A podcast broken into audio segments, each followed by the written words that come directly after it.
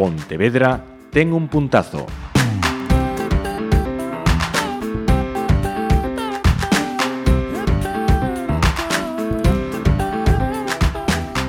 Saudos, eh, Pontevedra ten un puntazo, mira desta vez a unha das empresas eh, que participan deste proxecto municipal. A empresa Xeneme e con nos eh, Diego Parajo, que un dos seus creadores. Benvido, Diego. Hola, bons días, que tal? Eh, estamos a falar dunha consultora de proxectos sociais, educativos e culturais. Uh -huh. Así suave, non? para, uh -huh. para comenzar. Eh, facedes proxectos eh, socioeducativos, eh, desenvolvemento comunitario, consultoría e formación e xestión cultural. Uh Para aqueles eh, que despois eh, de todas estas palabras aínda estén a preguntarse eh, eh, que? Que fan? Uh -huh. Contanos de, de xeito sinxelo, para mí mesmo, por exemplo. Ben, eh, ao final é unha empresa que presta servicios, uh -huh. non? o sea, non vende produtos, vende uh -huh. servicios. Non? E eh, entón, bueno, nos convertimos en, en expertos en temas de, de mm, dar cursos ¿no? De forma más sencilla sería como dar cursos, ¿vale? ¿Qué pasa? Que estos servicios se prestan a, principalmente a, a, a, institucións públicas, ¿no? Ajá. Concellos, principalmente, pues a xunta, ¿no? E nos últimos anos tamén con empresas. Ajá. Entonces, eh, nesos tres, nesas tres líneas de traballo, pois se eh, en moitos casos foron proxectos vinculados a proxectos sociais como eh, pois facer mm, tem, con temas de muller, de igualdade, non de violencia, eh, con centros educativos, non con formación de profes, alumnado, eso todo era o que facíamos sobre todo ao principio. Uh -huh. eh, aquí hai unha parte moi importante non de impartir formacións, que sempre nos quixemos salir de estas formacións máis regladas ou vinculadas a, a procesos de formación ocupacional ou para o emprego e leválos máis a temas que, bueno, de alguna maneira non está desenvolvendo todo o mundo, non? En temas de uh -huh. innovación, creatividade e demais, non? Eh, este 2018 eh, Xeneme cumpriu 20 anos. Uh -huh. Eh, de algún xeito eh, sois eh, pioneros. Penso que hai 18, 20 anos, perdón, estaba vendo uh -huh. 2018, hai 20 anos non habería moitas empresas como, como a vos. No, é que, a ver, isto foi unha circunstancia eh, singular, no, do momento que vivimos aquí, no, porque era pues éramos das primeiras promocións de educación social, non? Uh -huh. Isto en na universidade en Santiago. E nos encontramos que non había eh, non había unha oferta laboral uh -huh. eh, porque tampouco a profesión estaba moi definida, definida ainda. regulada. Uh -huh. Entonces, claro, de alguna maneira o que nos encontramos era que eh, non había, eso, non había unha demanda de profesionais, como agora sí se hai en centros educativos ou centros de menores, eh, institucións eh, eu que sei, penitenciarias ou eh, con traballo con, con personas maiores. Uh -huh. Ora hai un montón de ámbitos e a figura Ajá. de educador, educadora social está, está xa reconocido como tal, non? Pero nos vivíamos que isto non existía. entonces decidimos poñernos a funcionar, a presentar propostas que nos parecían, nos parecían interesantes directamente a, a institucións como concellos, uh -huh. E aí arrancou, o sea, realmente nos creamos unha empresa, despois eso sí de haber ido a visitar sitios, non? A, a Cataluña, País Vasco, Madrid, e vimos que sí que efectivamente se había empresas de uh -huh. servicios sociais funcionando. Uh -huh. E cando nos a creamos, pois aproximadamente eso, 98 foi cando arrancamos, probablemente fomos das primeiras empresas en Galicia que se creou que partía Con este desta concepto. concepción. Sí. Uh -huh. Eh, neste caso que, que temos eh, agora o proxecto municipal de Pontevedra ten un puntazo. Eh, por que decidisteis formar parte desas, desas empresas que, que están inmersas nesa filosofía? Pues, a ver, nos empezamos puntazo? a traballar eh, co Concello de Pontevedra pues, o mellor no 2003 ou no 2004, moi vinculado ao Departamento de Xuventude. Eh? porque era mm, bueno, donde prestábamos servicios, non? Uh -huh. eh, tamén con eventos, o sea, hubo cousas nas que empezamos fallanos como era a Jam da Chicharra, que era un evento uh, de, sí, de, de participación comunitaria por un lado, pero vinculado a un tema que era música, uh -huh. o rap e demais, non? Eh, e de aí, pues, houve unha conexión directa co local de música, que é outro dos proxectos que estamos xestionando, eh, cando aparece a proposta de eh, xuntarse as empresas que nos dedicamos a mm, servicios creativos, culturais e demais, eh, a mí me parece que é absolutamente necesario isto. ¿no? Entonces, eh, pasar a formar parte eh, do puntazo para mí significa eh, eh, desenvolver a pertenencia que todas as empresas teñen que ter a algún colectivo. Non? Uh -huh. Nos sempre, desde sempre, tuvemos sempre dous eixes claros desde a dirección da empresa, que era participar en grupos eh, eh, sectoriais, é dicir, en, en grupos de traballo donde se estuvese falando das problemáticas e circunstancias do noso sector, pero tamén en áreas intersectoriais, é dicir, donde pudésemos estar traballando con empresas de outras áreas. Non?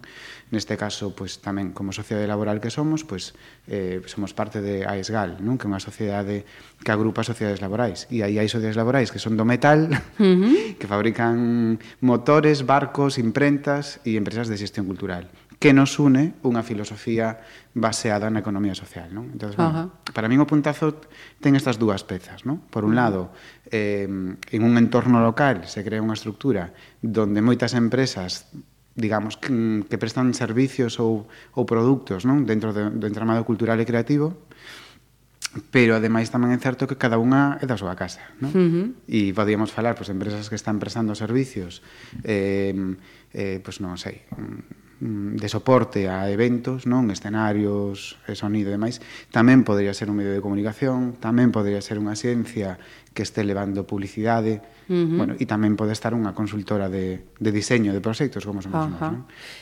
E por aí precisamente eh, vai o, o recente proxecto presentado de, de cooperación empresarial mm, que ven eh, a, a coincidir con esa filosofía que, que te explicas, non? Uh -huh. Claro, nós tuvemos un cambio moi grande, non? E é que desde que nos creamos hasta 2008 aproximadamente, o modelo da empresa era desarrollarse, medrar e ir incorporando personas ao equipo, non? E, bueno, pues, aproximadamente éramos como unhas 15 personas en plantilla naquel momento, non? Eh, en plena crisis, unha das cousas que nos pasou foi que tuvemos que desinflar por completo todo este modelo. Sin embargo, O que evolucionou foi a, a capacidade de medrar basándose en relacións en redes. No? Uh -huh. Agora mesmo eu teño a sensación de estar traballando igual con 15 ou con 30 personas, o que pasa é que estas personas pertencen a outras empresas, no? Eh, empresas pequenas, moi especializadas. Entonces eu podo organizar un evento contando sempre con 4, 5, 6 empresas expertas, cada unha no seu asunto e iso me fai a min ser mm, máis eh, áxil, máis flexible e máis competitivo. Uh -huh. Entonces, esta experiencia que tuvemos e que sobre todo lanzamos desde os últimos cinco anos, eh, bueno, pues tuvemos a oportunidade de pensalo, diseñalo en clave de talleres, eh, o experimentamos, de feito, en, en algún momento atrás con AISGAL, esta agrupación de, uh -huh. de empresas que son de economía social, e cando eh, o Concello, co cambio de lei eh, de contratos, plantexou un debate sobre, bueno, que vai a pasar no Concello de Pontevedra en relación a, a, as novas circunstancias que veñen detrás desta lei de contratos, pois eu en esa mesma charla pensaba, bueno, pois para min é unha oportunidade, non? porque eu si sí estou traballando con outras empresas e necesito relacionarme con elas para aprender, para evolucionar, para, con, con, para poder innovar incluso no, uh -huh. no diseño de novos servicios, proxectos, e que sexa e que sexa unha clave de futuro, non? Mm. Entonces, eh sobre isto pensamos e levamos uns cuantos meses traballando. Entonces, bueno, este proxecto de cooperación empresarial o que pretende é pois eh poñer unhas fechas onde se van a traballar diferentes temas, onde as empresas que están vinculadas ao puntazo poderán vir en clave de aprendizaxe e reflexión sobre como facerse máis fortes, uh -huh. ahora, neste caso concreto, de competir eh, no que son as licitacións públicas. Non? Ajá. Eh, con exemplos entendemos as, as cousas uh -huh. moi ben, non? Eh, Un exemplo, eh, ti decías, está nesa xestión do local de, de uh -huh. música, ¿no? Contanos pois eh, bueno, o proxecto do local de música no que estamos xa desde fai casi 10 anos, pois é un exemplo donde eh, unha administración eh, neste caso o Concello, eh, decide que quere eh, eh, poñer en marcha un proxecto, neste caso é un centro sociocultural especializado na música, e require de alguén experto en este tema.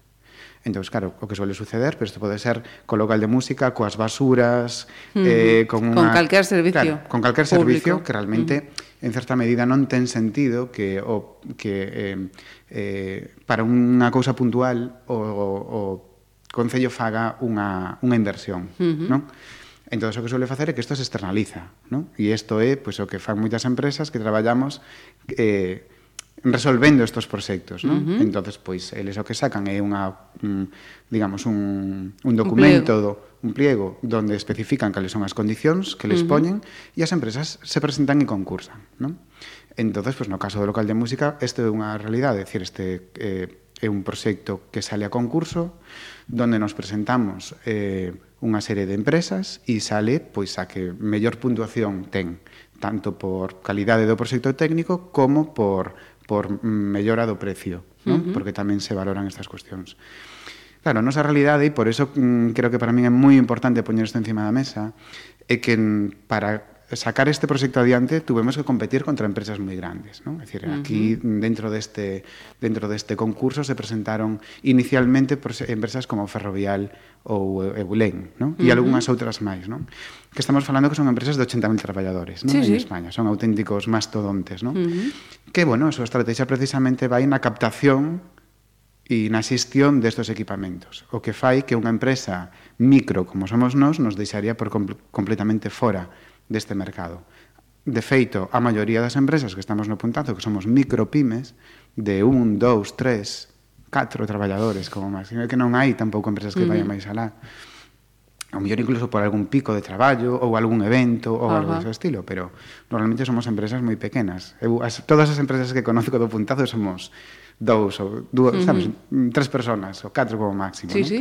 Entón, en ese contexto, tamén é certo que o volumen de desarrollo de negocio que temos é relativamente El, pequeno. Uh -huh. A única maneira que vamos a poder ter para ser eh, máis fortes ¿no? como empresas, máis, empresas máis competitivas, máis innovadoras, uh -huh. e gracias a ese tamaño pequeno, ser mm, como ratóns, ¿no? uh -huh. e non como elefantes, uh -huh. pois eh, ten, teremos que aprender a desenvolver estrategias de cooperación sin medo, sin sin complexos. Claro, claro, sin complexos, o contrario, é dicir, e eu para min o exemplo está nisto, é dicir, para para poder sacar o proxecto do local eh que sabíamos que íbamos a competir contra mm, elefantes, Esos grandes, claro. Uh -huh. se, eh pois pues, o que fixemos foi apostar por eh, evidentemente polas fortalezas que tiñamos, é dicir, somos personal eh, especializado e con experiencia en este proxecto técnico uh -huh. eh, e tuvemos que desenvolver, que desenvolver unha estrategia eh, ganadora uh -huh. para poder salir airosos disto.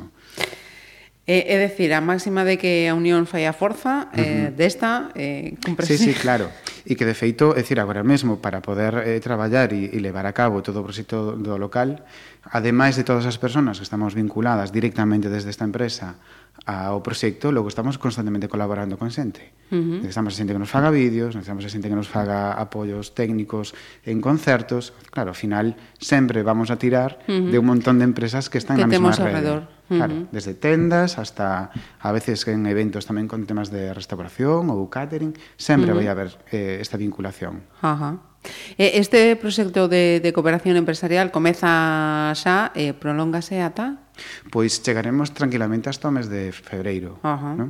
Pois a facer eh, os sábados eh, en horario de mañán, eh, eh, na Casa da Luz, previsiblemente, e, e pois eso, de 10 a 2, non? Con unha secuenciación que vai como con dúas eh, sesións sí. cada mes, máis ou menos, mm. porque claro, decir, tampouco podemos empantanarnos aquí mm. e liar a xente tanto tempo, non?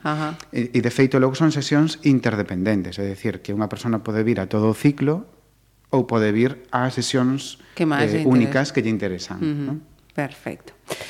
Pois, eh, Diego Parajo, moitísimas gracias por estar eh, con nós. Eh, seguiremos falando. Vendeiras ocasións tamén do puntazo. Moitas grazas. Gracias, vos días.